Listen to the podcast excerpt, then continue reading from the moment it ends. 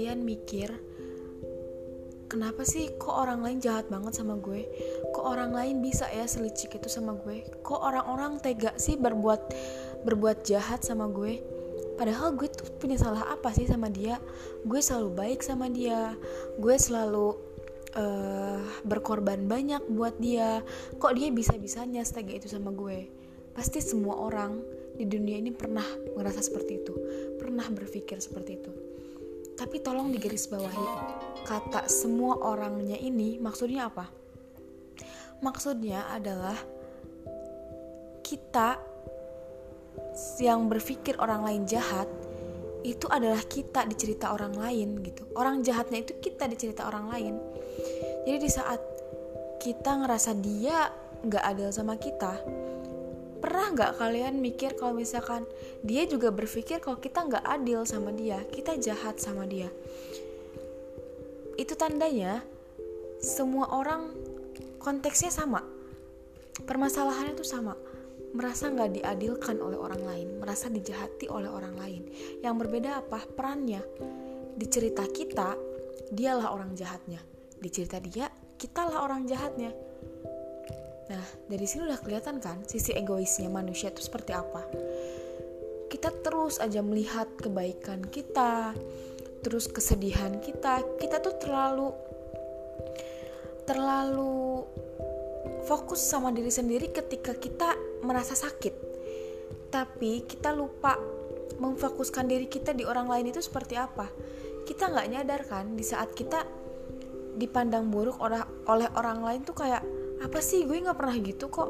Nah orang lain juga mungkin sama di saat kita menuduhkan suatu keburukan dia mungkin dia bakal ngerasa apa sih? Gue nggak pernah gitu kok. Karena pada dasarnya kadang banyak dosa yang tidak kita sadari. Di saat kita berbuat jahat, di saat kita berbuat licik, di saat kita menyakiti orang lain itu sebagian besarnya bukan hal yang kita sadari terus salah nggak? Kalau kita nggak sadar kan artinya kita nggak sengaja. Bukan berarti ketidaksengajaan ini harus terus dibiarkan gitu. Di saat orang lain menunjuk kita menunjuk suatu keburukan kepada kita saat kita merasa gue nggak gitu kok jangan langsung lepas tangan bodoh amat gitu itu mah dianya aja mengada-ngada cerita. Tapi tolong pikirkan mungkin gak ya? Iya gak sih? Semakin kita membuka diri semakin kita ikhlas semakin kita mau menyadari kesalahan kita itu pasti makin terasa. Makin kita peka sama diri sendiri. Bahkan kadang di saat orang lain merasa itu bukan hal yang besar untuk dipermasalahkan gitu. Kita berbuat salah tapi menurut orang lain itu bukan hal yang besar. Di saat kita mulai membuka diri itu pasti tetap ada rasa nggak enak dalam diri kita gitu. Itu tandanya kita sudah mau nih mengimprove diri kita untuk jadi lebih baik mengupgrade diri kita menjadi pribadi yang jauh lebih baik itu sudah tahap bagus gitu Nah, tapi lanjutannya apa nih? Lanjutannya di saat kita mulai mau membuka diri, melihat kesalahan-kesalahan diri kita, uh, melihat kejelekan-kejelekan di, di diri kita, menyadari aib-aib kita yang Allah tutupi nih, masya Allah gitu. Allah segitu baiknya menutupi aib-aib kita. Padahal kita banyak banget dosa sama Allah. Kita sering lalai sama sholatnya, bahkan meninggalkan sholat tanpa segan gitu tapi Allah tetap menutup aib kita. Nanti di saat kita mulai membuka diri, memulai menyadari bahwa kita banyak salah, kita banyak aib, kita buruk banget nih, seburuk-buruknya diri kita, kita udah mulai menyadari itu bakal datang rasa kecewa yang amat besar. Rasa kecewa, rasa sakit hati, rasa pedih, rasa kayak ditusuk sama diri sendiri gitu. Itu tuh bakal kerasa dan bikin kalian down di titik paling downnya kehidupan. Kalian bakal nangis terus-terusan kalian bakal terus nanya sama diri kalian sendiri kenapa sih kok gue gini? Kenapa sih kok gue bisa selicik ini? Kok gue bisa sejahat ini? Kok selama ini bisa gue nggak nyadar sama kesalahan-kesalahan gue? Gitu padahal Allah tuh maha baik apa gitu ujung-ujungnya apa? Kita bakal ingat ke Allah. Itu baiknya di saat kita mau mengimprove diri kita mau mengupgrade diri kita menjadi lebih baik. Di situ kita bakal sadar sebaik apa Allah. Maha besar banget Allah tuh mau nutupin aib-aib kita keburukan-keburukan kita. Padahal kita untuk bersyukur aja lupa gitu. Tiap hari cuma ngeluh, tiap hari cuma insecure, tiap hari cuma overthinking, tiap hari cuma menyalahkan takdir Allah.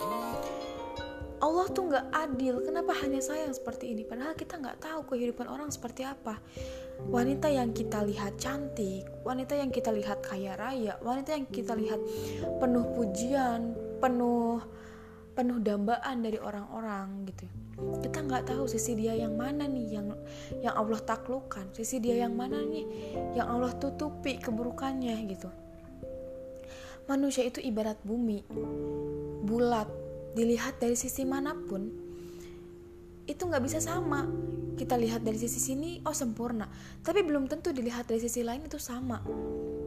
Kayak ibaratnya Indonesia dilihat baliknya lihat Bali oh iya bagus indah. Tapi lihat Jakarta oh solokannya kotor ya banyak sampah ya segala macam penuh banjir dan ini itu.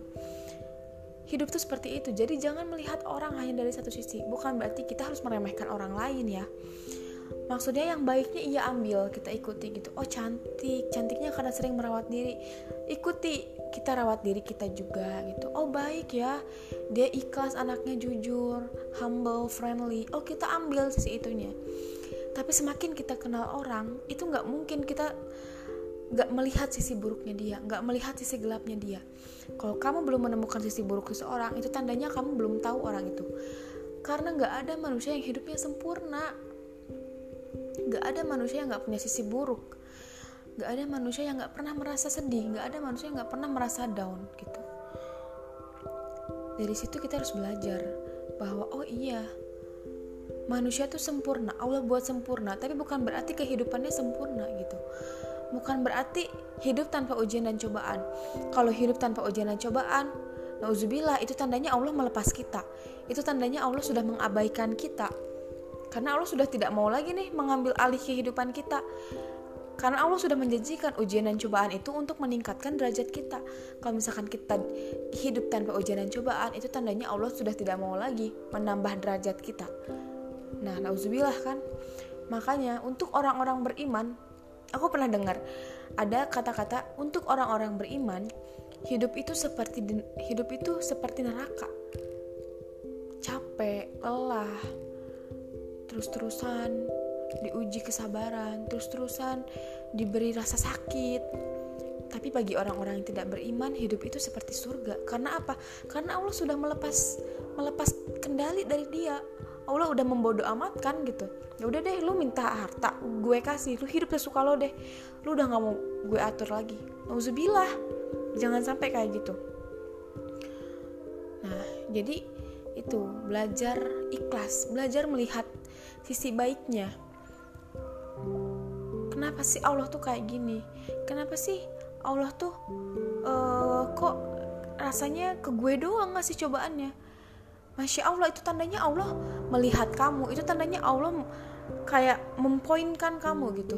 Oh ini anak nih yang harus gue naikkan derajatnya tinggi makanya gue kasih tekanan dulu. Karena udah di atas itu tekanannya bakal lebih lagi ibaratnya kamu nggak bisa uh, apa namanya menambah menambah tenaga kamu kalau kalau untuk hari ini aja untuk tekanannya dikasih sama gitu.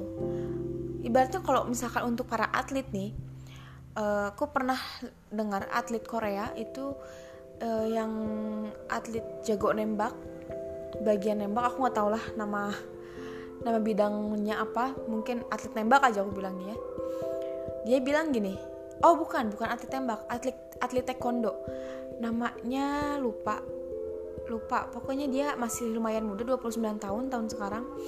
Dia bilang gini setiap kali saya merasa lelah saya akan memaksakan satu tendangan lagi. Nah jadi kayak apa ya uh, kita kadang ngerasa oh batas saya cuma sampai sini. Tapi Allah tuh tahu kamu bisa lebih. Kamu tuh bisa lebih. Coba paksain. Akhirnya di saat kita ngerasa lelah kita maksain satu tendangan eh ternyata berhasil. Nah untuk ke depannya kita bisa ngelakuin dua, dua tendangan. Karena satu tendangan ini udah kita anggap bisa nih. Udah jadi batas tambahan kita gitu loh. Makanya dari situ